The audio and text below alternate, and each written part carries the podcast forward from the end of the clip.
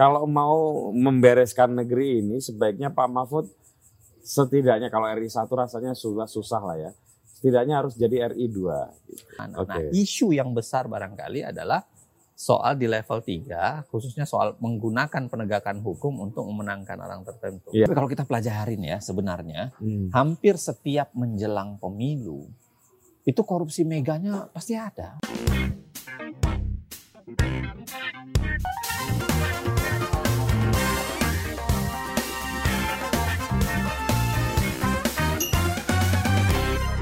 Halo teman-teman, ketemu Hmm. lagi dengan saya Putu TA Kepala Suku Mojo dan ini adalah narasumber yang paling sering muncul di podcast.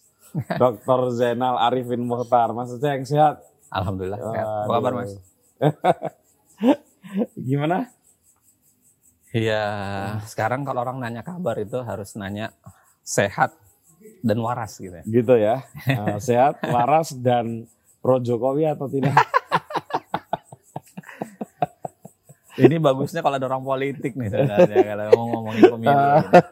Karena apa yang terbaca oleh hukum kadang-kadang Tidak. berbeda dengan Beda. pembacaan orang politik. Betul. Tapi kan Anda memang pakar hukum tata negara. Cuma kan persinggungannya dengan politik kan Oh ya, kuat. Dan Anda dibutuhkan oleh banyak orang kalau bermasalah ini. Bu Sri Mulyani bermasalah, Anda jadi apa kemarin? jadi ceritanya Bu Sri Mulyani itu begini. Jadi kita diundang. Jadi Iya. ada beberapa orang diundang lah. Em, ada ada saya, ada Pak Amin Sunaryadi, ada Laude Syarif, Iya. mantan komisioner KPK, KPK. ada Bivitri Susanti, Mm-mm. ada Mbak Alisa, Alisa Wahid. Iya. ada em, Eri Riana Harja Pamekas bekas eh, Oh, KPK, KPK juga. juga.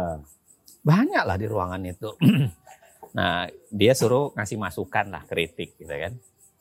Ya nggak tahu ya mungkin yang lainnya irit kritiknya ya. Jadi pendek-pendek gitu saya panjang tak kritik semua kan. panjang kali lebar. Tak. Begitu selesai ngomong saya tuh dia langsung balik ke sekjennya. Pak Sekjen, gimana caranya maksudnya kita tarik ke sini gitu. Pokoknya apa pun bagaimana caranya kita tarik. Saya bilang saya nggak mau bu, nggak, nggak lah, jangan, jangan, jangan saya gitu. Hmm. Wah, yang lain pada ngomporin tuh. Jadi kayak Alisa Wahid, ya konsing usul, konsing atasi, ceng. Berat lah. Jadi gitu. Terus Pak Mahfud juga masuk timnya ya? Iya. Iya, Pak Mahfud itu kalau ceritanya yang tim reformasi nih ya. tim reformasi. ceritanya tim reformasi itu sebenarnya em, 2000 tahun 2000 ya eh Hmm. 2020 sesaat setelah dia dilantik eh Iya. 2019 setelah setelah dia dilantik em, kami beberapa orang itu ketemu sama Mahfud Hmm. diundang kita ngobrol-ngobrol panjang lebar soal Iya, penegakan saya hukum. sering lihat tuh ngopi di warung kelotok. jadi waktu itu saya ada Laude Syarif ada Bivitri ada Oh, lagi-lagi ada Bu Bivitri. Ah, ah. kan ada Mas Ahmad Santosa Hmm. ada em, siapa ini Eh, Muhammad Rifki Rifki Rifki Asegaf gitu Ba- rame lah kita ngobrol-ngobrol gitu terus punya rencana-rencana gimana caranya kita bisa bantu dorong agenda perbaikan gitu sudah disusun-susun siap-siap mau bikin ternyata tiba-tiba covid kan. Yo. jadi tertunda gitu nggak ada Oke. kebijakan. Tapi Pak Mahfud beberapa di antaranya kan dia masukin tuh. Misalnya saya dia paksa masuk menjadi penasehatnya Saber Pungli. Hmm, Lalu kemudian betul. Bivitri dia minta jadi apa. Iya. Dia masuknya begitu.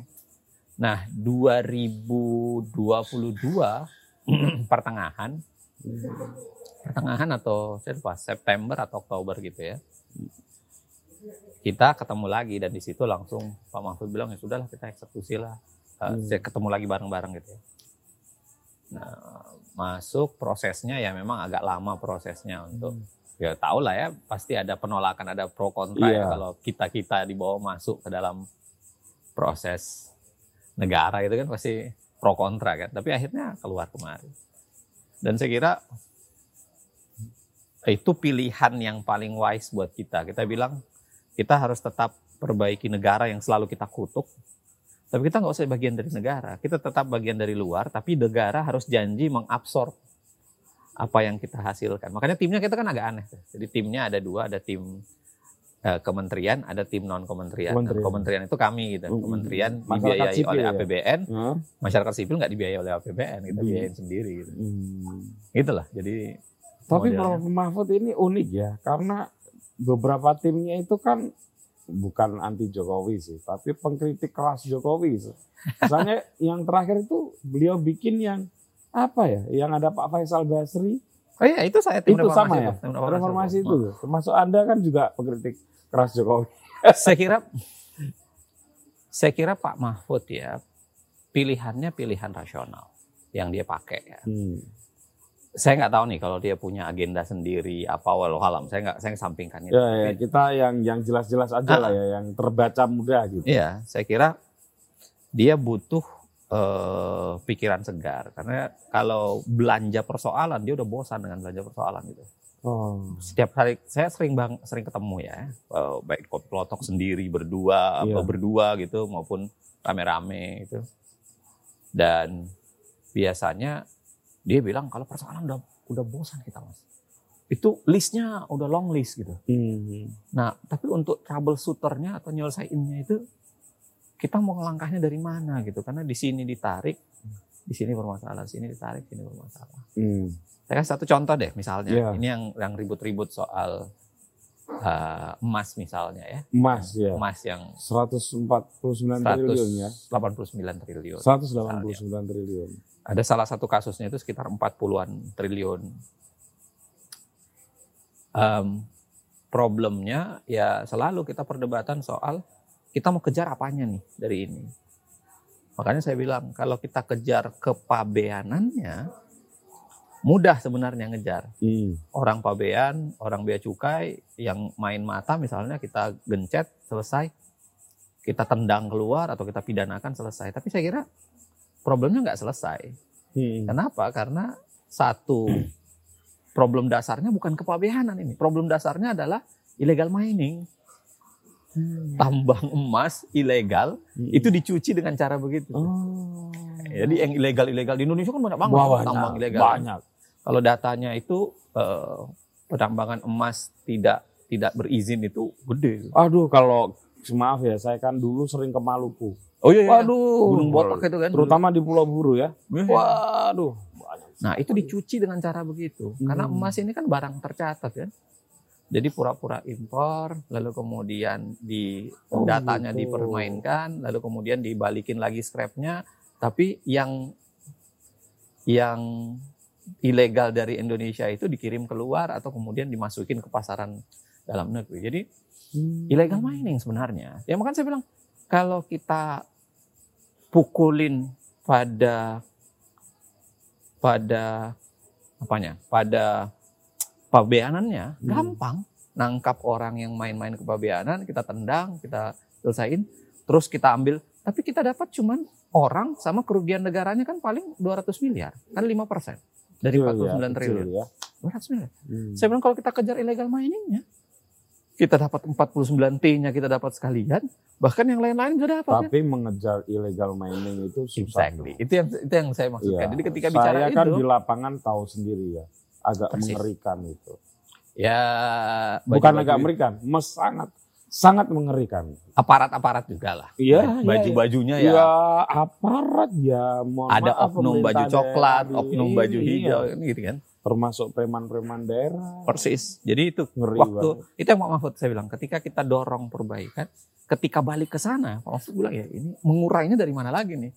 Kalau persoalannya dari illegal mining dari misalnya oknum baju coklat, oknum baju hijau, Hmm, ya dari mana kita ngurainya gitu. loh. Iya. Oke. Begitulah kira-kira selalu persoalannya. Jadi kalau ditarik ke paling ujung, nah ini ngurainya dari mana? Nah tim ini diharapkan ngasih saran untuk mencoba mengurai. Gitu lah. Tapi kira-kira dalam waktu yang ya kurang lebih satu tahun ya, satu tahun lebih lah ya, akan ada keberhasilannya nggak? Sebab kalau saya lihat yang di apa satgas satunya lagi ya, yang BLB kan dibentuk Pak Ah. Mahfud juga, itu Ah. juga mulai kelihatan keberhasilannya Ya, ya. Terus yang kemarin dengan yang eh, bea cukai itu kan sudah ada yang masuk di KPK juga ya. Iya. Itu kayaknya ada sudah mulai tanda-tanda Kita kan lagi terpikir, kita mau yang besar pikir, tapi kemudian tidak terselesaikan. Mm-mm. Maksudnya kalau terlalu gede kan, ya ya pasti menyasar ke DPR, menyasar ke Mahkamah Agung. Tapi kan bukan ranahnya Mah- Pak Mahfud, bukan Betul. ranahnya kementerian kan, bukan ranahnya presiden gitu. dan dia Ataukah- punya masalah dengan waktu yang pendek kan? Waktu yang pendek. Ataukah kita mau yang lebih spesifik, yang executable gitu, langsung bisa dieksekusi oleh presiden gitu. Bisa di- nah, itu lagi kita pikir nih, kan kita baru berapa hari kan. Lagi debat-debatnya itu. Oke. Ah, kita coba yang spesifik, langsung bisa dieksekusi.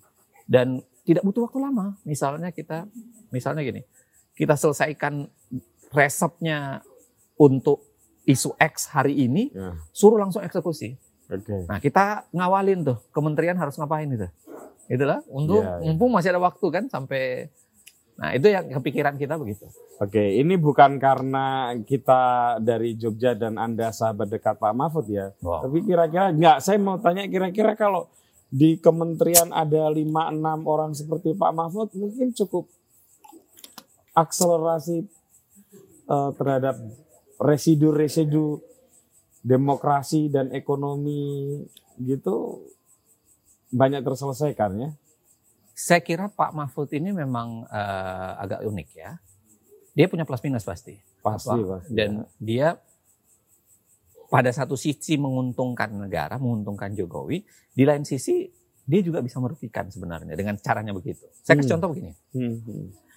Saya ingat ketika launchingnya surveinya Burhan, Burhanuddin Muhtadi. Iya.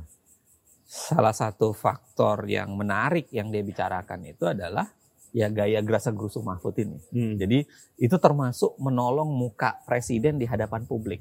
betul. Misalnya ketika orang selalu mengatakan Jokowi tidak terlalu penegakan hukumnya tidak lemah. melemah gitu, ya gerasa gerusunya Pak Mahfud di kasus Sambo ternyata membuat publik ngerasa oh ada penegakan hukum kasus Sambo yang menarik gitu. Iya. Begitu juga BLBI, BLBI, begitu juga Bea ada beberapa tuh bea cukai. Iya. Nah, begitu juga eh, kasus Malang ya, walaupun saya kira ini tidak Kanjuruhan. selesai gitu ya, Iya. belum selesai sampai sekarang ya. Ini Iya. harus kita kasih catatan khusus. Tapi saya kira yang gaya begitu itu bagus gitu. Nah, tetapi merugikannya saya kira Pak Jokowi barangkali akan dirugikan karena eh, akar persoalannya belum tentu selesai. Karena gejalanya kayak hit and run kan Iya. pukul lari pukul Iya. lari gitu karena dan apakah menemu akar persoalannya enggak enggak ternyata enggak nyelesain akarnya gitu Iya, ya mungkin karena waktu. Oleh karena waktu Iya. atau jangan-jangan dia bentuk tim ini karena dia nganggap mudah-mudahan tim ini yang mencoba menyelesaikan akarnya itu Oke. gitu lah yang saya lihat ya, Artinya nggak salah kemudian orang orang sebagian masyarakat sipil beranggapan ya ini kalau mau diselesaikan semua urusan-urusan kayak gini nanti ya paling nggak Mahfud MD yang jadi wakil presiden itu Anda setuju nggak? ada dua indikasi ya saya bilang kalau Pak Mahfud jadi wakil presiden Eh, pertama memang faktor em, Pak Mahfud ini punya kendaraan Oke. faktor paling penting. Saya kira kalau Nggak Oh. sebelum masuk ke sana Anda setuju nggak dengan dengan dengan apa ya dengan tesis itu? Kalau mau membereskan negeri ini sebaiknya Pak Mahfud setidaknya kalau RI 1 rasanya sudah susah lah ya. Setidaknya harus jadi RI 2 gitu. saya kalau bicara soal pemilu ya, saya selalu bicara soal mengelola harapan. Pemilu itu adalah cara, salah satu cara ya tentu saja ya, untuk mendapatkan harapan bagi rezim berikutnya. Hmm. Harapan perubahan. Hmm. ya. Nah, harapan perubahan ini kan bisa didapat dari eh, presiden, capres, sekurang-kurangnya cawapres. Kan gitu tuh. Kalau presiden tentu hitungan pertama adalah harapan perubahan plus dia mungkin terpilih atau tidak. Ya. Ya kan? Mungkin barangkali kalau kita ajukan tokoh siapa gitu yang luar biasa, harapan perubahan besar. Tapi apakah mungkin terpilih dan Indonesia kemudian mengalami perubahan? Belum tentu.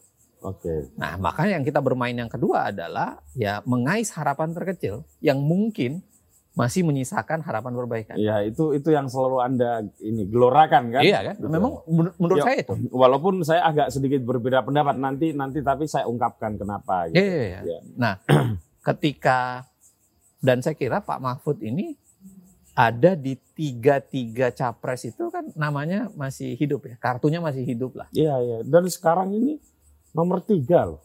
Oh ya? Oh iya, iya. Nomor Kan tiga Pak di, Amin Mas eh di Pak cawapres ya. Eh, Pak- dia di bawah Pak Sandiaga Uno dan Pak Erick Thohir. Oh ya. PDIP masih ngomong soal dia kan, Iya. PDIP masih memasukkan. Saya kira Prabowo kita udah tahu lah ya, persis. Dan Anies pun nama dia disebut. Disebut. Dan sempat PKS ngelamar kan, Ngelamar, walaupun betul. saya nggak tahu. Walaupun. Pak Mahfud menolak. Ya penolakannya itu ya, nggak tahu lah ya kita Iya. ceritanya gitu. Nah tapi saya kira em, dari tiga ini pun kelemahannya dia nggak punya kendaraan yang cukup. Oke. Karena kan orang hitung-hitungannya selalu adalah kendaraan juga kan. Dan di salah satu eh, obrolan politik, kalau nggak salah, Mas Nusron Wahid yang ngomong. Pak Mahfud nggak disukai oleh parpol. Jadi Ya. kecil kemungkinan dia akan jadi wakil presiden. Ya, bisa Jadi jadi. penolakan dari partai-partai politik itu Bisa jadi. kuat. Itu mirip sekali dengan waktu di- beliau mau jadi calon wakil 2019. presiden kan. Ya. Penolakan dari mungkin partai-partai politik juga merasa terganggu ya. Iya, itu yang saya bilang. Ah, Pada akhirnya ketika kita melihat kandidat presiden, wakil presiden di Indonesia kan tiga aspek terpaksa harus dihitung kan. Suka atau tidak suka. Iya. Kapabilitas, kemampuan, integritas, Iya. rekam jejak, plus akseptabilitas kan. Ya. Oke. Dan akseptabilitas ini tentu bukan hanya public acceptable, eh, acceptability di, di public, Hmm, tetapi juga political acceptability ya. Dia diterima di politik. gitu. betul. Nah ini gabungan tiga ini kan susah kita dapat orang yang Betul, punya betul. integritas, kapasitas, dan secara politik acceptable. Nah belajar dari kasus Jokowi, dia kan dianggap mewakili tiga-tiganya ini. ya. Betul. Waktu itu Betul. 2014 dia Ya. dianggap acceptable, rekam jejaknya bagus, plus dia diterima publik dan Ya. politisi. Ya. Nah, kita masih harus melihat, misalnya kalau dilekatkan pada Mahfud, saya kira orang nggak ragu ya kalau kapabilitas dengan integritasnya, Tentu, barangkali orang nggak ragu. ragu. Tapi akseptabilitasnya, pertanyaannya pasti besar. Kalau dia acceptable by publik, belum tentu acceptable by Elit. uh, elit politik kita. Masalahnya yang punya tiket elit nih. Masalahnya punya tiket adalah elit. Iya. Dan Nah, tetapi in the end saya kira em, partai-partai akan realistis untuk memenangkan. iya, mungkin bisa mereka berpikirnya juga semi pragmatis ya. Iya, iya, iya. Eh, lebih misalnya ada yang mungkin akan berpikir, oke nggak apa-apa deh dengan segala resikonya. Yang penting saya menang dulu dan ini kok kayaknya kandidat yang pergerakannya eksponensial gitu itu Mahfud MD ya dia akan ambil gitu. Mungkin juga ya begitu. Ya kalau pakai saya ketemu EF beberapa Hmm. kayaknya habis dari sini tuh saya di Iya, pesawat iya, iya. bareng sama dia gitu. Di UGM. Ah, ah. saya ke Jakarta bareng sama dia ngobrol lama gitu. Dan menurut saya analisisnya menarik gitu. Bahwa faktor penentu adalah siapa yang masuk dua putaran misalnya. Iya. Em, dan dua putaran itu putaran kedua itulah yang menentukan sebenarnya karena siapa pun yang masuk jadi kan kubu-kubunya lah kira-kira lah, Ganjar dan Anies Hmm. Prabowo ini kan hampir sekubu sebenarnya secara eh, pembelahannya di Indonesia ya Hmm. sedangkan Ganjar tersendiri nah kalau siapa pun di antara Ganjar eh, Anies atau Prabowo yang masuk potensi menangnya besar karena ini mayoritas suaranya di sini Iya. Nah, itu analisis yang saya kira eh, menarik untuk dilihat gitu. Hmm. Nah, pada titik itu saya kira tapi satu faktor yang akan sangat menentukan itu tentu saja adalah dukungannya Pak Jokowi. Iya. Karena Jokowi biar bagaimanapun kan punya masa. Anda percaya dengan Jokowi effect itu ya? Em, saya kira iya ya, karena dia punya masa, dia punya tentakel gitu. Hmm. Approval rate-nya juga masih tinggi. Approval ratingnya tinggi ya dan tentakelnya dalam artian ya tokoh-tokoh yang percaya tokoh-tokoh kan ada tuh ya. Ya birokrat-birokrat. birokrat bisa jadi. Walaupun kita selalu kritik bahwa harusnya nggak boleh tuh. Presiden nggak boleh cawe-cawe kan. Cawe-cawe sebenarnya masih bisa untuk batasan tertentu. Iya. ya saya ingat Obama kan kampanye juga untuk Hillary. Hillary, iya betul. Waktu Hillary mau terdipilih, Obama masih presiden. Iya, It- itu Hillary. termasuk yang saya mau tanyain sebetulnya. Iya. Ya. Kenapa sih nggak boleh di luar boleh? Praktek kita keseharian kan bupati, gubernur juga semua Nah, pakai mesin. Saya bayangkan beginilah, cawe-cawe itu taruhlah ada yang ada tiga hal gitu. Ada yang kalau kita pakai term agama, yang purely haram gitu. Hmm. Ada yang ya halal sebenarnya. Hmm. Ada yang ya agak pertengahan-pertengahan lah. Subhat. Ya kalau walaupun orang berdebat subhat itu ada atau enggak ya. Ya, Kira-kira pertengahan lah gitu ya. Pertengahan gitu. Saya kira yang pertama kalau yang halal saya kira ya itu kampanye. Ya, silahkan kan kalau memang mau mendukung orang berkampanye saya kira wajar gitu. Hmm. Ya kan apalagi separtai dan Iya. lain-lain sebagainya saya kira itu sesuatu yang tidak tertolak apalagi sebagai seorang partai dan di Amerika juga jalan seperti biasa gitu. Negara lain juga jalan seperti biasa. Yang agak setengah halal di Amerika itu begitu. Ada istilah Rose Garden Cam- Campaign gitu. Jadi di zaman dulu Gimana? so- presiden itu ada yang mengumpulkan partai-partai bahkan kaum oligark gitu, dia Hmm. ajak makan di Rose Garden Oke. untuk membicarakan soal pemilihan berikutnya gitu. Hmm. Nah, itu sebagian orang terbelah. Orang bagian orang merasa jangan itu itu mempengaruhi. Ada yang mengatakan haram, ada yang masih mengatakan halal. Ah, boleh aja. Tapi banyak juga yang mengkritik. Enggak, itu bahaya itu. Karena bisa apa ya, memperlihatkan presiden tidak independen gitu. Hmm. Ya kan? Nah, yang full haram saya kira adalah ketika presiden menggunakan kuasa, menggunakan anggaran dan menggunakan birokrasinya kan untuk memenangkan. Iya, Itu nggak boleh. iya, iya. Jadi kalau presiden turun dengan kuasanya, Hmm. dengan anggarannya dan dengan birokrasinya, nah itu yang masalah. Tapi sejauh ini tampaknya presiden kan baru yang subhat itu tadi. Ya, baru kan mengumpulkan partai-partai persis. ya. Kita melihatnya Saya kira level- masih itu masih saya saya saya secara pribadi masih belum melihat hal yang keliru di situ. Nah. sebagai orang yang berkuasa, dia pengen apa eh, legasinya itu Iya. diteruskan oleh o- Iya, iya. orang lain. Dia pengen ada konsolidasi politik yang lebih baik sehingga tidak terjadi mungkin perpecahan atau apa. Saya kira wajar yang Nah makanya secara eh, ketatanegaraan saya kira level 1 dan level 2 masih ya tergantung kita melihatnya dari mana. Nah Oke. isu yang besar barangkali adalah soal di level 3 khususnya soal menggunakan penegakan hukum untuk memenangkan orang tertentu. Iya. Ini isu ya kan. Kita nggak tahu proven atau enggak. Tapi iya. saya kira misalnya sekarang gejala apa menyerang Nasdem, men- tersangka ini kan berderet nih nanti ini kita akan ngobrolin itu. itu kan sedang didorong ke sana Oke, tuh. oke, Itu. Itu bahaya. Hmm. Em, kalau memang benar presiden membiarkan sekurang-kurangnya Muldoko ngerampok dalam tanda kutip ya, membegal em, Partai Demokrat, itu juga bisa berbahaya karena em, dalam kasus Nixon kita tahu kan dulu Watergate kan Mm-mm.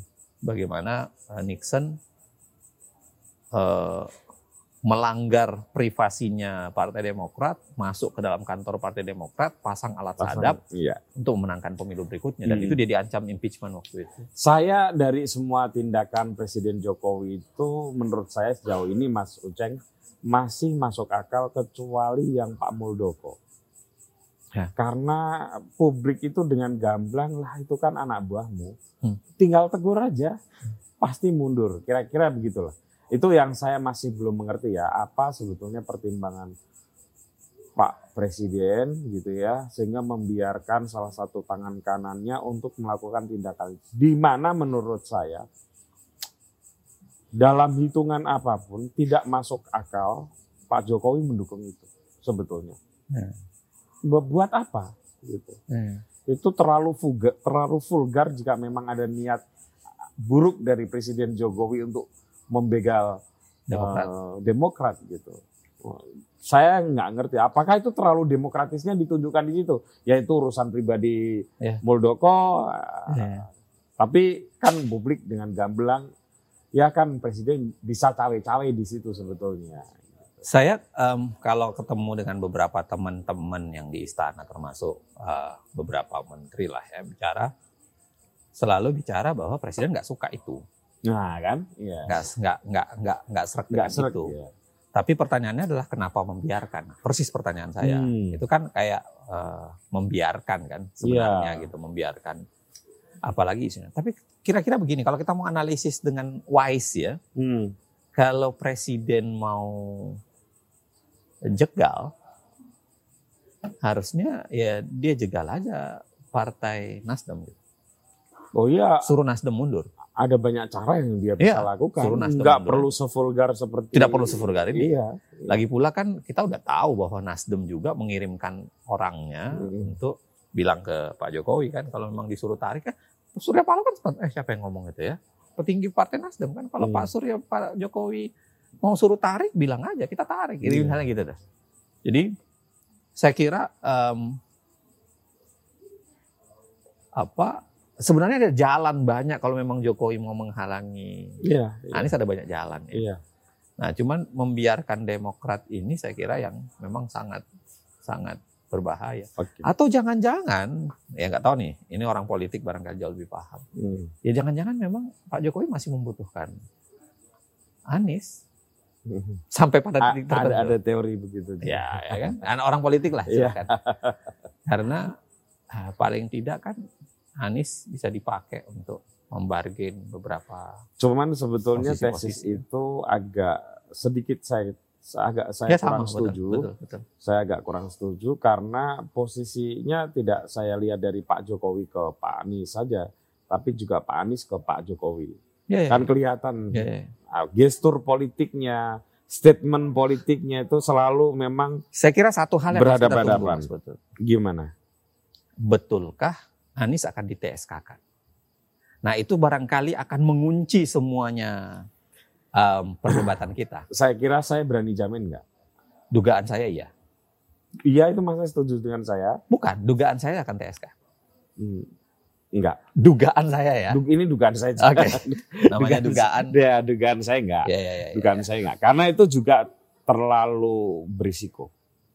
Ya, Nah, ini kita mulai masuk ke tadi yang uh, obrolan ketiga kita, yaitu Anda kan terakhir kali ngobrol dengan saya, ya, itu masih belum yakin kan kalau pemilu akan terjadi. ya, ya. ya. Apakah setelah hampir dua bulan, eh, dua bulan lebih ya setelah obrolan kita ini, dan situasi politiknya makin terlihat gitu ya dinamikanya, Anda masih yakin eh, pemilu presiden itu tidak terjadi sesuai jadwal? Kalau kalau apakah pemilu akan ditunda Mm-mm. atau ada penundaan atau perjanjian, saya kira isu itu belum sepenuhnya mati. Belum sepenuhnya. Belum sepenuhnya mati. Oke. Memang kemarin em, soal proporsional terbuka, proporsional tertutup sudah selesai kan. Selesai. MK sudah memutuskan dan saya kira pemohon dan bahkan partai-partainya juga ngikut. Tapi apakah itu membunuh isu eh, Penundaan. bahwa penundaan? Saya kira belum. Kenapa belum? Karena kita harus lihat isu penundaan itu kan juga kayak roller coaster kan, naik turun tuh. Hmm. Sempat naik, tiba-tiba turun, presiden janji enggak, tiba-tiba naik lagi. Ya. Kan gitu kan, naik turun gitu. Kita tinggal kita cuma belum tahu apa bentuk berikutnya. Iya. Kan terbuka tertutup juga baru kan. Atau misalnya em, putusan putusan pengadilan negeri yang meminta diverifikasi ulang partai memundurkan jadwal pemilu itu kan tiba-tiba loh nggak ada tercium oleh kita Iya. iya kan Iya betul. Ya. Itu Tapi kan kan, itu juga sudah diselesaikan. iya maksud saya Hmm. artinya babak berikutnya Masih ada babak berikutnya seperti apa kita belum bisa terka gitu Iya. Jangan-jangan tiba-tiba apa gitu kan kita belum sepenuhnya bisa me, me- apa ya bisa menutup semua kemungkinan itu. Oke. Satu isunya. Jadi kalau isu penundaan saya kira ya mungkin mereda, apinya sudah padam, tapi tidak berarti baranya hilang. Hmm. Mungkin baranya masih nyala gitu. Hmm. hmm. Tapi yang kedua yang tidak kalah mengkhawatirkannya itu adalah mendistorsi pemilu. Hmm. Saya kira yang harus kita garis besar ini adalah gejala distortif terhadap pemilu. Hmm. Kalau pemilu distorsi, pemilu distorsi apa? Penyelenggaranya dirusak, ya kan? Dan kita lihat em, penyelenggara yang tidak independen kan udah kita udah kita dapat sekarang kan, kita udah perhatikan betul gitu bagaimana dalam kasus em, eh, pendaftaran partai, ya kan? Banyak sekali tuh Iya. pengakuan mereka sendiri bahwa mereka bagian dari eh, petugas partai itu kan ada tuh. Iya. Yang kedua adalah kualitas. Misalnya soal dana kampanye, aturan dana kampanye. Hmm. Yang dulu harus menyetorkan dana awal Ya. dengan dana pasca pelaksanaan. Iya. Ini kan enggak tuh. Dan sekarang, cuma- udah nggak perlu lagi ada audit ya? Da- iya, dana dana akhir nggak nggak di ini kan. Hmm. Yang harus distorkan cuma dana awal. Padahal sepanjang proses kampanye kan uang tetap bisa Oh masuk. justru itu. Dan uang banyaknya itu. masuk di situ. Di situ. Belum lagi misalnya soal eh, koruptor diperbolehkan, Hmm. ya kan tidak ada lagi larangan gitu. Hmm. Dulu kan putusan MK bilang koruptor harus jeda lima tahun, Oke. ya kan? Tapi dalam eh, peraturan eh, KPU kan enggak, enggak harus lima tahun. Yang harus dilihat adalah sepanjang dia dijatuhin em, pencabutan hak politik atau enggak. gitu. Iya. Nah, yang gitu-gitu itu saya kira memperlihatkan kualitas. Kualitas eh, penyelenggara Ya. ya yang bisa mendistorsi. Oke. Plus belum lagi kalau kita bicara penggunaan kuasa kan. Nah, saya mau Penggunaan. ngomongin ini ini dari tadi tadi yang dibilang oleh Mas Uceng ya. Yaitu soal eh, akhir-akhir ini kasus korupsi ya yang melibatkan para petinggi partai, menteri dan petinggi partai. Saya menduga Mas Uceng itu juga bisa jadi musabab. Saya makanya saya perlu tanya ke Anda, betulkah ada aturan kalau terbukti misalnya kasus korupsi masuk di rekening atau apa pun itu ya partai politik itu partai politik itu bisa dibekukan atau dibubarkan atau bagaimana? Ada banyak a- kalau soal pembubaran partai politik ya. Enggak secara ini ya tata negara itu Oke, aturannya gimana? negara. Hmm. Jadi kan ada dua sebenarnya em, konsep yang mungkin untuk pembubaran partai politik. Satu secara pidana, walaupun ini perdebatannya pasti ada. Pidana secara kor- pidana secara pidana, ada ya? pidana korporasi kan. Apakah kalau mereka melakukan tindakan tertentu bisa dipertanggungjawabkan secara korporasi? Kan pidana korporasi ada kan sebenarnya kan. Nah ini, ini perdebatan tertentu nih. Iya, ini iya, tersendiri iya, nih. iya. Sa- Bisakah Maaf saya partai nggak politik- nggak nggak tahu itu ya. Partai politik dibubarkan secara Hmm. eh, eh, apa korporasi. Hmm. Yang kedua secara konsep ketatanegaraan, Hmm. yaitu dibubarkan di Mahkamah Konstitusi. Nah, tapi ini obstacle-nya banyak banget kan? Satu misalnya, yang bisa bermohon pembubaran partai politik itu adalah pemerintah. Itu sebabnya dulu tidak mungkin rasanya partai pendukung pemerintah akan dibubarkan. Sekorup apa pun mereka dalam tanda kutip. Ya kita contohlah Demokrat pada saat itu. Oke, tapi kan itu kan kita andaikan misalnya tidak ada agenda lain Hmm. untuk memundurkan pemilu misalnya. Kita punya asumsi itulah. Hmm. Anggaplah begitu. Hmm. Nah, kita punya asumsi itu. Kan tadi eh, Anda sudah me- memberi tiga poin kemungkinan Hmm. itu masih terbuka tiga poin ya. Saya tambahkan satu poin ini mungkin nggak? Maksudnya kalau kemudian ditemukan ternyata aliran nanti misal ya BTS korupsi BTS yang begitu besar itu masuk ke hampir semua partai. Lalu yang di Kementerian juga masuk di semua hampir partai. Bisa nggak itu kemudian membuat partai itu lalu dalam tanda kutip dibubarkan dan itu yang justru membuat pemilu ditunda. Saya nggak percaya. Saya nggak percaya itu. Terus terang, Kenapa? Enggak, aturannya dulu, baru kemudian secara aturan partai pendukung pemerintahan itu biasanya mustahil dibubarkan. Karena yang harus membubarkan hanya presiden. Coba Anda bayangkan kalau presiden memaksa membubarkan sekian banyak partai, dia beralih musuhnya bukan saja menambah musuh masyarakat sipil, dia menambah musuh dari partai. Setuju, setuju. Pasti tuh, Setuju, setuju. partai setuju. bakal hajur habis-habisan. Setuju. Kalau dia, itu kan. dianalisis saya setuju. Tapi aturannya dulu nih, bisa nggak gitu? Ya itu bisa, tetapi satu pemohonnya partai dan yang kedua yang paling penting, alasan untuk membubarkan partai sebenarnya itu lebih banyak karena program kegiatan mi, um, um, apa istilahnya ya eh, dasar partai itu berlawanan dengan Pancasila dan Undang-Undang Dasar. Enggak maksud Ceng, mau saya ini aja. Misal ini gampangnya nih. Korupsi BTS ternyata masuk ke partai X. Nah, jadi gini, misi dan jadi misi dan visi kegiatan program itu bertentangan dengan Undang-Undang Dasar dan Pancasila. Oke. Pertanyaannya adalah apakah korupsi dianggap ini obat kita? Oh berarti pasal itu tidak secara spesifik tentang Nggak korupsi? ada. Oh enggak, Nah, itu yang mau saya tanyakan. Enggak, enggak ini nih Nggak ada sebenarnya. ya? Oh. Sebenarnya ini nih yang di yang mau di Kenapa? Karena sejarahnya pembubaran partai di Indonesia sasarannya memang cuma PKI kok. Wah berarti beberapa narasumber di di beberapa media itu mesti harus belajar tata negara lagi. Iya. Karena dibilangnya di situ bisa dibubarkan, bisa dibekukan kalau ada indikasi kuat, ah, bukti kuat ya. Nah, itu tafsiran saya kira. Oh. Tafsiran bahwa dianggap korupsi itu bertentangan dengan Oke. Ya kan? Tafsiran Oke, tuh. oke, oke. dianggap bertentangan. Pasti orang akan bilang bertentangan Hmm. dengan Pancasila, tapi kan Oke, tafsiran tuh. Iya, iya. Kalau Lagi itu- pula kalau secara historis, kalau kita mau bahas sebenarnya sejarahnya pembubaran partai politik yang ini kan sebenarnya dihadap-hadapkan ke PKI kan sebenarnya kan. Iya, iya, iya. PKA dan Soekarno. Iya PKI sebenarnya yang dihadap-hadapkan itu dihadapkan itu adalah pembubaran partai.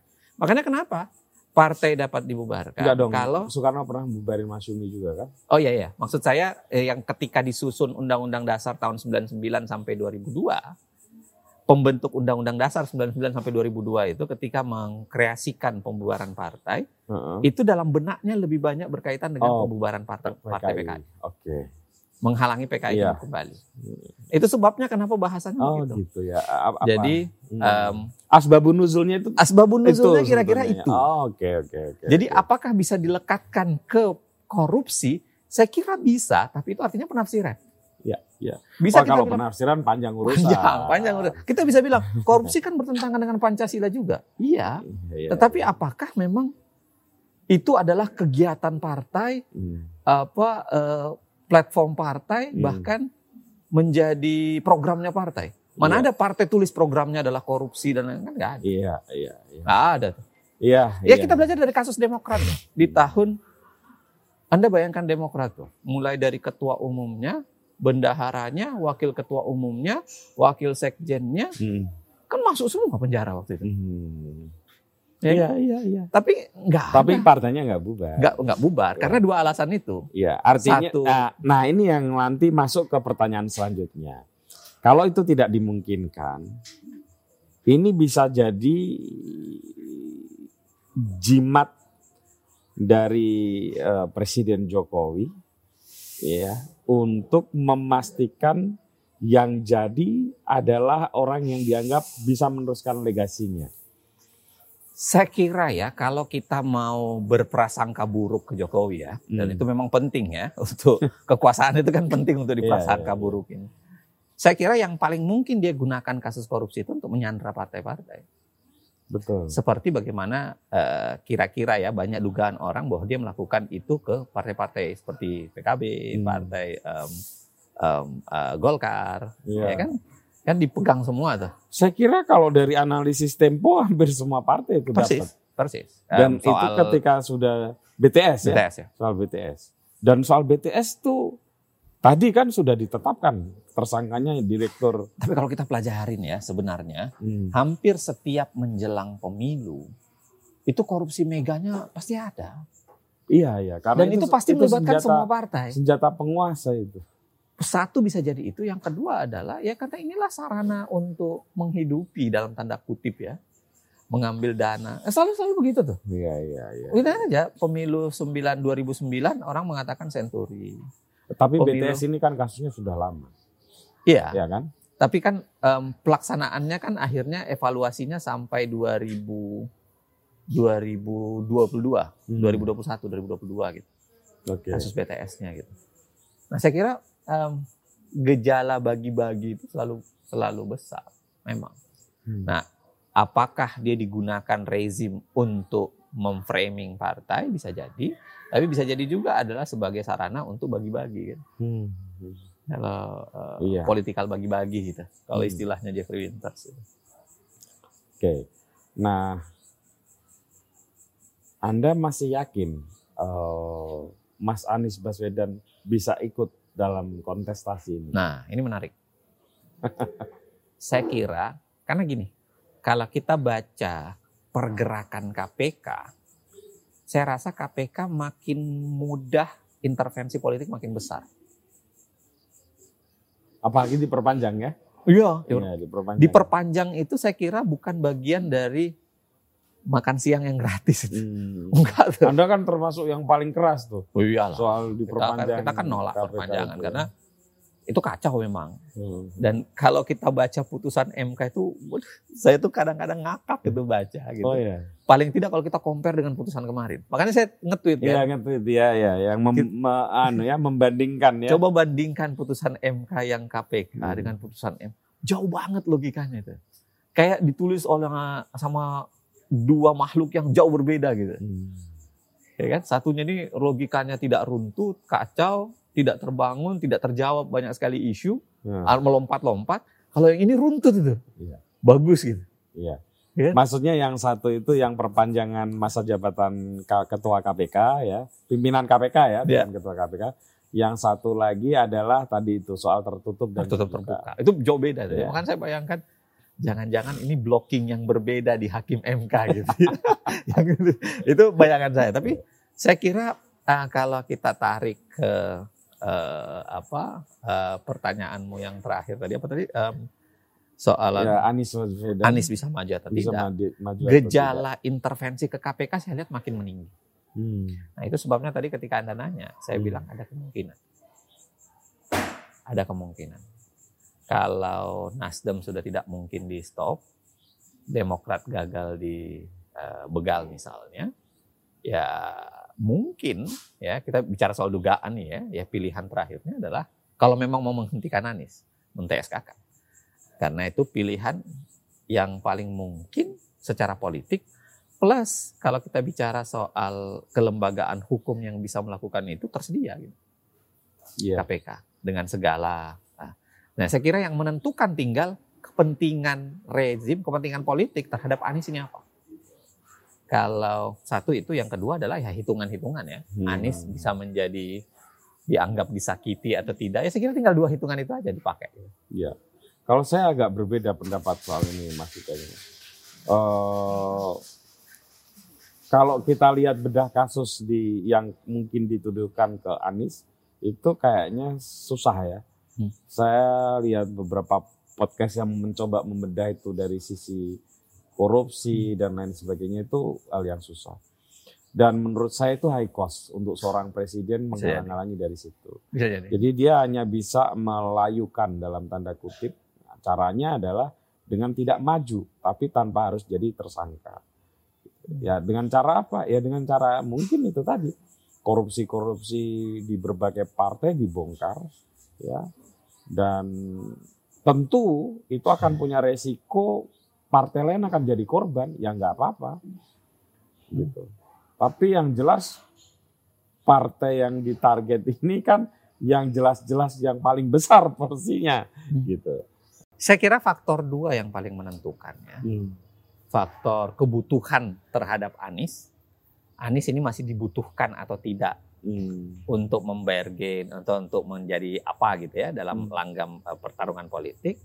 Plus yang kedua adalah ya ini em, apa hitungan politik apakah itu akan backfire atau tidak. Oke. Karena kan ada gejala kalau disakiti kan orang bisa malah Oh iya. rebound kan. Iya, itu kan yang kan? mesti dihitung oleh Itu pasti dihitung. juga. Saya kira pasti dua. Hmm. Kok Anda yakin pelakunya presiden sampai nyusung presiden? Loh iya, iya. kan kita dari tadi ngomongin presiden. Kira-kira gitu. Pasti presiden akan menghitung uh, plus minusnya kan. Ya, saya kira dua ini yang pasti Ya. akan dihitung. Apakah Anies dibutuhkan, plus em, apakah memang akan backfire atau tidak. Yep. Tapi saya mau bilang begini, dan ini saya serius bilang. Hmm. Sebenarnya eh, menjadi pejabat publik, mana ada yang tidak ada kesalahan. Kalau mau dicari-cari pasti. Kalau ada. mau dicari-cari pasti ada. Ya. Satu. Yang kedua adalah konsep pemberantasan korupsi kita itu terlanjur terlalu ketat dengan perhitungan tiga perhitungan itu kan perbuatan melawan hukum, memperkaya diri sendiri atau Iya. orang lain, lalu kemudian merugikan keuangan negara. Iya. Memang apalagi selain tiga itu? Sebenarnya orang banyak keliru. Kalau tiga ini, ini hanya dua pasal dalam undang-undang. Undang-undang kita ada 30 jenis korupsi. Ini kita harus percaya karena beliau ini direktur pukat. Jadi korupsi itu ada 30 jenis. Eh, ya. Yang yang pasal merugikan keuangan negara, memperkaya diri seorang itu cuma dua pasal loh. 28 yang lainnya nggak ada kaitan dengan ini. apa tuh? Misalnya aja deh. Suap. Suap kan nggak ada Oh, kaitan dengan kerugian Oke, negara. Gratifikasi nggak ada kaitan dengan kerugian negara. Negara nggak rugi. Extortion nggak ada kaitan dengan Betul, kerugian negara, betul. pemerasan gitu. Betul. Yang lainnya itu nggak ada sebenarnya. Cuma terlanjur aparat penegak hukum kita itu mantengin di sini. Terbukti misalnya di KPK, Kejaksaan dan Kepolisian, walaupun KPK paling minim ya. Mayoritas kasus itu selalu pasal 2, pasal 3 ini. Hmm, makanya ada salah satu par- pejabat partai yang habis eh, habis di penjara dan kemudian mulai langsung aktif gitu ya Ya. di mana-mana di televisi di mana karena dia merasa nggak merugikan negara. Iya, Gitu. karena ini karena terlalu terlalu ke sini cara berpikirnya. Hmm. Misalnya negara-negara lain itu jarang loh yang menggunakan konsep ini. Hmm. Suap itu eh, korupsi itu adalah suap di negara lain. Oke. Oke. Misalnya kayak di eh, Malaysia misalnya, Ya. kan badan anti rasuah kan, Iya. kan dia memang langsung suap gitu, riswah gitu, suap. gitu. Rasuah ya. Suap. Suap. Dan memang hampir tidak ada kasus korupsi sebenarnya yang tidak ada suapnya. Selalu begitu. Hmm. Jadi pintu masuknya yang agak eh, janggal gitu. Suap itu ada 12 pasal. Suap gratifikasi itu 12 pasal itu. Banyak banget itu soal itu. artinya makin besar kemungkinan seorang pejabat kalau mau dicari-cari Nah. Akan ada Karena kalau dicari-cari gampang banget mengano me- me- mengkonstruksikan dari tiga ini. Hmm. Coba ya Paham, kalau mau konstruksi dari tiga ini melawan hukum, ya cari aja. Dia mengeluarkan putusan apa yang keliru itu dijadiin. Hmm. Memperkaya diri sendiri orang lain, dia tidak bermaksud ambil tapi ada yang diuntungkan tetap masuk. Hmm. Em, apa merugikan perekonomian kerugian kerugian negara atau perekonomian negara, tinggal dihitung aja kan. Hmm. Apalagi pendekatannya bisa pakai total cost. Total cost itu artinya dihitung sampai semua. Ya. Bahkan rapat-rapat menyusun kebijakan itu dihitung juga sebagai Iya. kerugian. Iya. Kan tinggi akhirnya. Iya. Dan ini, sebabnya selalu aparat penegak Oke. hukum itu pragmatis dan Oke. selalu menggunakan pendekatan ini Oke. untuk nge- ngejar orang gitu. Hmm. Nah, saya kira dari konstruksi korupsi kita Hmm. plus gejala tidak rapihnya kebijakan publik, pengambilan ini, lalu kemudian tidak rapihnya birokrasi, gampang banget orang dicari. Oke. Jangan, coba saya kasih sederhana. Iya iya iya, boleh. Kasus soal penggunaan dana operasional menteri deh. Hmm. Eh, Yang itu tidak perlu dipertanggungjawabkan itu. Tapi kan dicari-cari. Misalnya beli apa untuk kepentingan siapa gitu. Hmm. Di luar dari dianggap di luar operasionalnya menteri. Eh, kan dikejar juga. Itu ketiga ini dapat nih, masuk nih. Kalau kita mau pakai logikanya masuk. Kan masuk. Tapi Kasus Denin Rayana bahkan kalau masih ingat. ya ya ya. Yang pay- payment gateway. Tapi tapi sebetulnya ini sekaligus saya mau tanya ini karena saya kalau mau tanya ini kan apa lupa terus.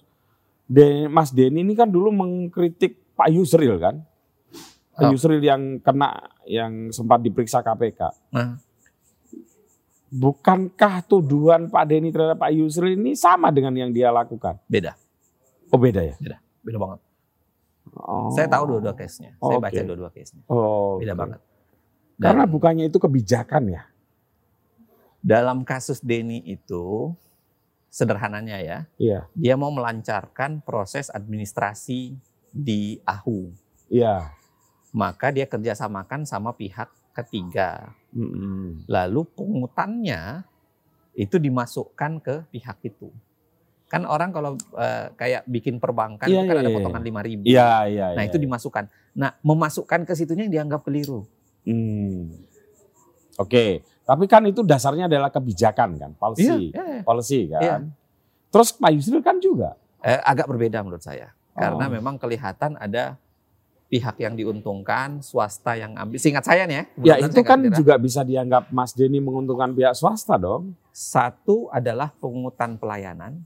Kalau yang ini pungutan pelayanan tapi jumlahnya gede, gede banget. Mm-mm. Saya lupa ya berapa juta, Mm. terus berapa puluh persen itu masuk ke swasta. Dan swasta ini, seingat saya kasus itu ya, membiayain beberapa hal yang dilakukan oleh kementerian. Mm. Jadi dibiayain, jadi memang ada putar sik- circle Mm. balik ke kementerian gitu. Dalam kasus yang itu. Jadi oke. membiayain apa-apa itu, sampai kalau nggak salah ada, ada uang yang diserahkan ke mana gitu, yang gitu lah. Iya, iya, iya. Nah itu circle-nya. Tapi kalau dalam kasus Denny kan nggak ada. Nggak ada. Dan an- Anda merasa di dalam kasus Mas Denny ini payment dia gateway ya. tidak tidak salah. Payment gateway ya, karena Payment saya bacanya gateway. yang itu ya. Iya. Enggak. Emang ada kasus yang lain? Enggak kan? Iya kan kalau baca cerita-cerita eh, BPK, Anda searching Google aja ada tuh, ada beberapa kasus. Oh, Mas Denny berarti punya kasus lain. Di di di, di anu ya, di dikreasikan dianggap punya kasus lain ya. Oh. Tapi kan yang kita tahu dan sempat naik bahkan menjadi TSK, eh bahkan diperiksa gitu, diperiksa ya. adalah payment gateway kan. Beliau belum tersangka kan? Saya lupa. Tapi belum SP3 juga. belum belum. belum. Iya. Nah, oke.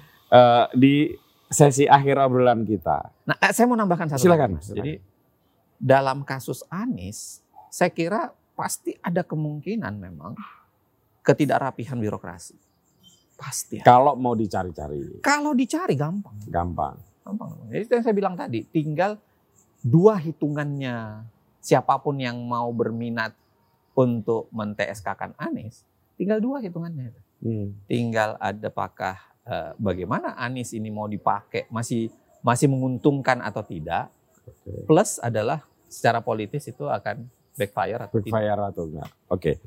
Mas Uceng, kalau misalnya apa pun itu ya, Mas Anies tidak jadi, entah itu karena sirkus politik di tingkat elit, kita kan harus akuin ada kemungkinan itu tanpa harus menyangkut pautkan dengan ini. Ya misalnya Demokrat terbujuk untuk Persis, gabung persis, dengan persis. dengan PDIP misalnya atau PKS bergabung dengan eh, Pak Prabowo misalnya seperti yang dulu-dulu. Lalu tidak ada lagi eh, apa yang men- cukup kecukupan ya eh, presidensial thresholdnya gitu ya. Apakah kualitas demokrasi kita menurun? Kalau itu tidak terjadi jadi hanya ada dua paslon lagi. Saya selalu bilang begini, em, dalam prinsip pilpres sebenarnya kalau kita baca undang-undang dasar, Hmm. jelas harusnya walaupun kendaraannya dari partai, tapi harusnya hak publik itu ada untuk menentukan. Bukan hanya elit. Ya. Hmm. Ini kan kita mengalami persoalan berganda. Dari partai itu kemudian dikreasikan oleh elit, plus pada saat yang sama yang kedua, pintu masuknya juga dikecilin. Iya. Dulu kan kalau kita baca pasal 6A Undang-Undang Dasar sebenarnya, dan selalu saya bilang ini, dan itu sebabnya saya melawan presidensial threshold. Iya. Pintu masuk untuk menjadi capres itu kan sebenarnya adalah partai atau gabungan partai Partai. peserta pemilu. Iya. Selesai. Tidak Jadi bisa satu partai. angkanya ya. Tidak ada angkanya. Angkanya ini kan rekarkaan dan ciptaan sebenarnya. Kemudian. Nah, tetapi kalau kita mengalami persoalan berganda yang saya bilang tadi. Partainya sendiri makin tertutup dan eh, oligark, ya, Em, em, makin tertutup dan demokrasi di tingkat internal partai itu minim. Plus pada saat yang sama yang kedua pintu masuknya dikecilin. Hmm. Jadi kerugian publik itu berganda dua, ya. Satu itu.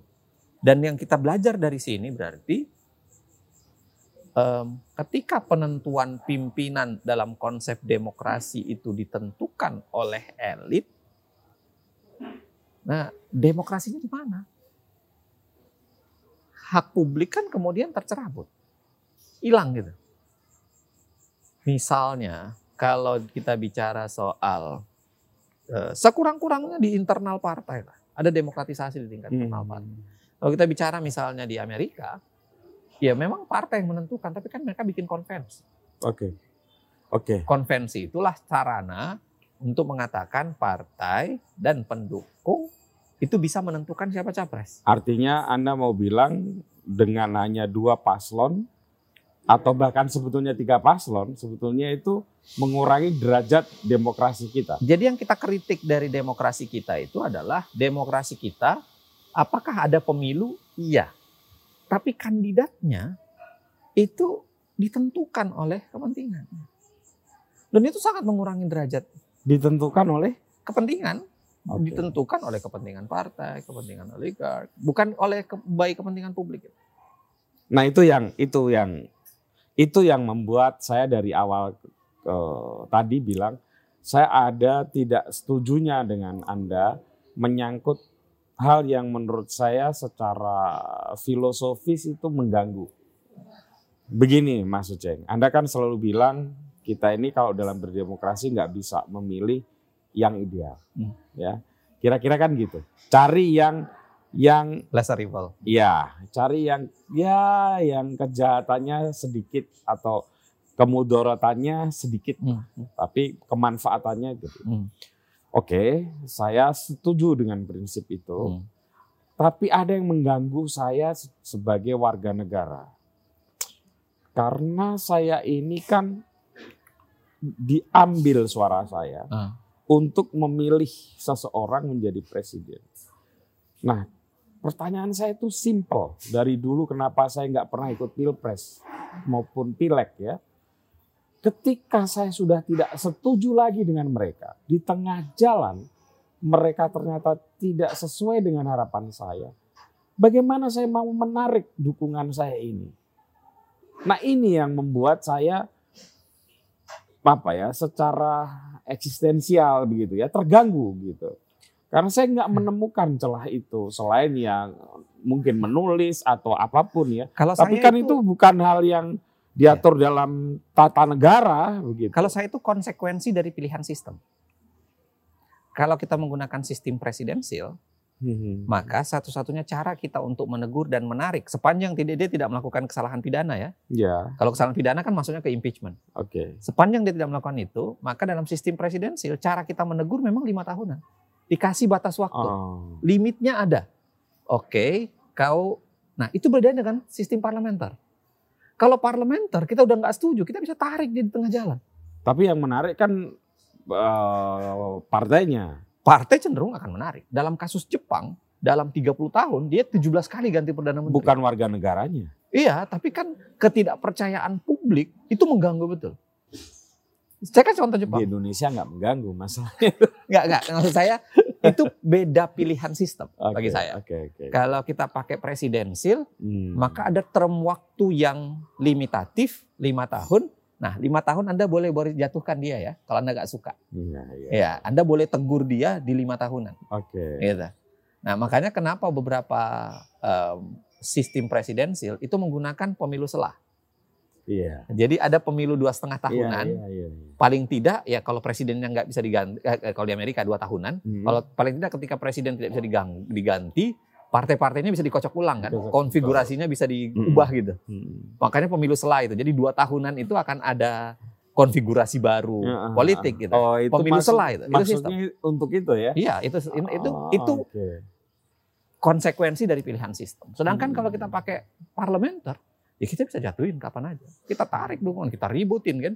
Nah, Hmm. ketika dukungan publik lemah pada perdana menteri, partai akan cari penggantinya. Lagi pula Hmm. partai kan tidak merasa nothing tulus. Hmm. Karena dia cuma tarik orang, dia akan majukan orang baru dari dia sendiri kan. Hmm.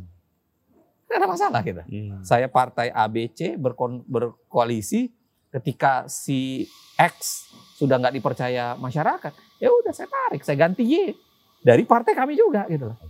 Jadi nothing tulus sebenarnya mereka mengganti. Itu sebabnya Oke, dalam oke. saya kasih contoh Jepang Hmm. saja 32 tahun belakangan dia 17 perdana menteri. Hmm. Karena dia mengganti perdana menteri itu bukan karena menjatuhkan pemerintahan, tapi untuk menjaga kepercayaan publik pada partai. Jadi kontrak saya itu ketika saya memasukkan atau mencoblos seseorang, entah itu anggota legislatif maupun presiden, Ada waktunya. memang harus dengan waktu. Terma waktu, ada terma. Itu itu Ya. itu pilihan sistem saya kira. Ya. Oke, makasih Mas, Makasih, Mas. Suceng. Ini sudah satu jam. Tapi begini, yang terakhir deh, gimmick tapi gimmick penting ini. Kalau jadi nih lancar nih. Mas Anies, Mas Ganjar Pranowo ya, dua-duanya alumni UGM. Eh, terus eh, Pak Prabowo maju. Siapa yang kira-kira jadi presiden? Em, jawabnya menurut survei atau apa nih? Enggak, Anda aja. Menurut Kalau feeling Anda kan Anda baca survei, baca kalau tren. menurut survei saat ini ya, iya. kan Prabowo tuh. Iya ya enggak, ini kan masih Iya 8 bulan lagi kan. Nah, tapi kalau kita lihat gejalanya, saya kira akhirnya eh, pembacaan terhadap konfigurasi masyarakat Indonesia yang penting. Gimana tuh? Misalnya adalah seberapa solid sebenarnya dukungan terhadap Ganjar, terhadap Prabowo, terhadap eh, Anies. Saya kira semu- semuanya punya Oke, eh, oke, oke. pilihan solid. Iya, ya, pilihan solid. ini penerawangan seorang Iya, Dr. Zainal Arifin Mokhtar ini. Siapa yang akan jadi presiden? semuanya Gitu punya eh, eh, apa pilihan solid. Nah, yang bahaya ini adalah yang bisa mudah berkoalisi secara pemilih ini adalah Ganjar eh adalah eh, Prabowo dengan Anies. Anies. Jadi dua itu yang bakal jadi. Jadi kalau dua putaran, Ya. saya kira kemungkinan menangnya ini akan besar. Satu di antara mereka. Kalau Kalau satu putaran enggak oke, dan enggak kalau Ganjar bisa me- me- me- me- mendorong mendulang suara bagus, saya kira Ganjar akan bisa terpilih untuk satu putaran. satu putaran. Ya. Tapi saya kira satu putaran itu berat. Saya Atau sebenarnya begini, penerawangan saya ya, kalau misalnya putaran pertama, Ganjar akan jadi nomor satu. oke, kalau itu kan Siapa Ganjar nomor dua ya tinggal kita lihat Prabowo atau Pak Anies. Anies. Nah, itu yang justru akan jadi kalau Pak Ep kan bilang yang nomor dua ini yang akan jadi Exactly. presiden. Nah, sekarang pertanyaannya saya balik. Anggaplah Ganjar tersingkir. Putaran keduanya adalah Anies dan Prabowo. Siapa yang akan jadi presiden? Jadi gini, em, tergantung ketika di putaran pertama mereka konsentrasi melawan siapa. Hmm. Misalnya begini ya, dalam kasus Ahok di Jakarta. Ahok Semua kalau di kasus Ahok semua konsentrasi masuk ke runner up kan. Karena udah tahu data survei kan. dalam kasus Ahok, Anies, AHY, Iya. fokus Anies waktu itu bukan melawan Ahok loh. Masuk ke putaran kedua, iya. Iya, fokusnya adalah memenangkan lawan AHY. Iya, betul. Nah, persis. Makanya saya bilang tadi, Iya. kalau misalnya di putaran pertama tergantung seberapa kuat siapa yang memenangkan pertarungan antara Anies dengan Oke. Prabowo. Iya, iya, iya. Paham saya saya sampai di situ Iya kan? udah paham. Ini pertanyaan tinggal tinggal sedikit aja. Kalau Ganjar yang tersingkirkan juga bisa.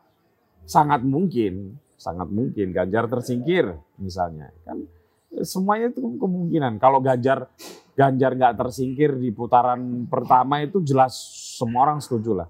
Tapi kan tetap menyisakan kemungkinan tersingkir gitu. Kalau tersingkir nih Prabowo sama Dua-duanya masih mungkin. Itu yang saya bilang, tergantung seberapa kuat mereka memenangkan. putaran tinggal pilih aja Prabowo atau Anies. Saya secara ideologis ya, Eh, masih sulit untuk memilih Prabowo. Oh, Oke.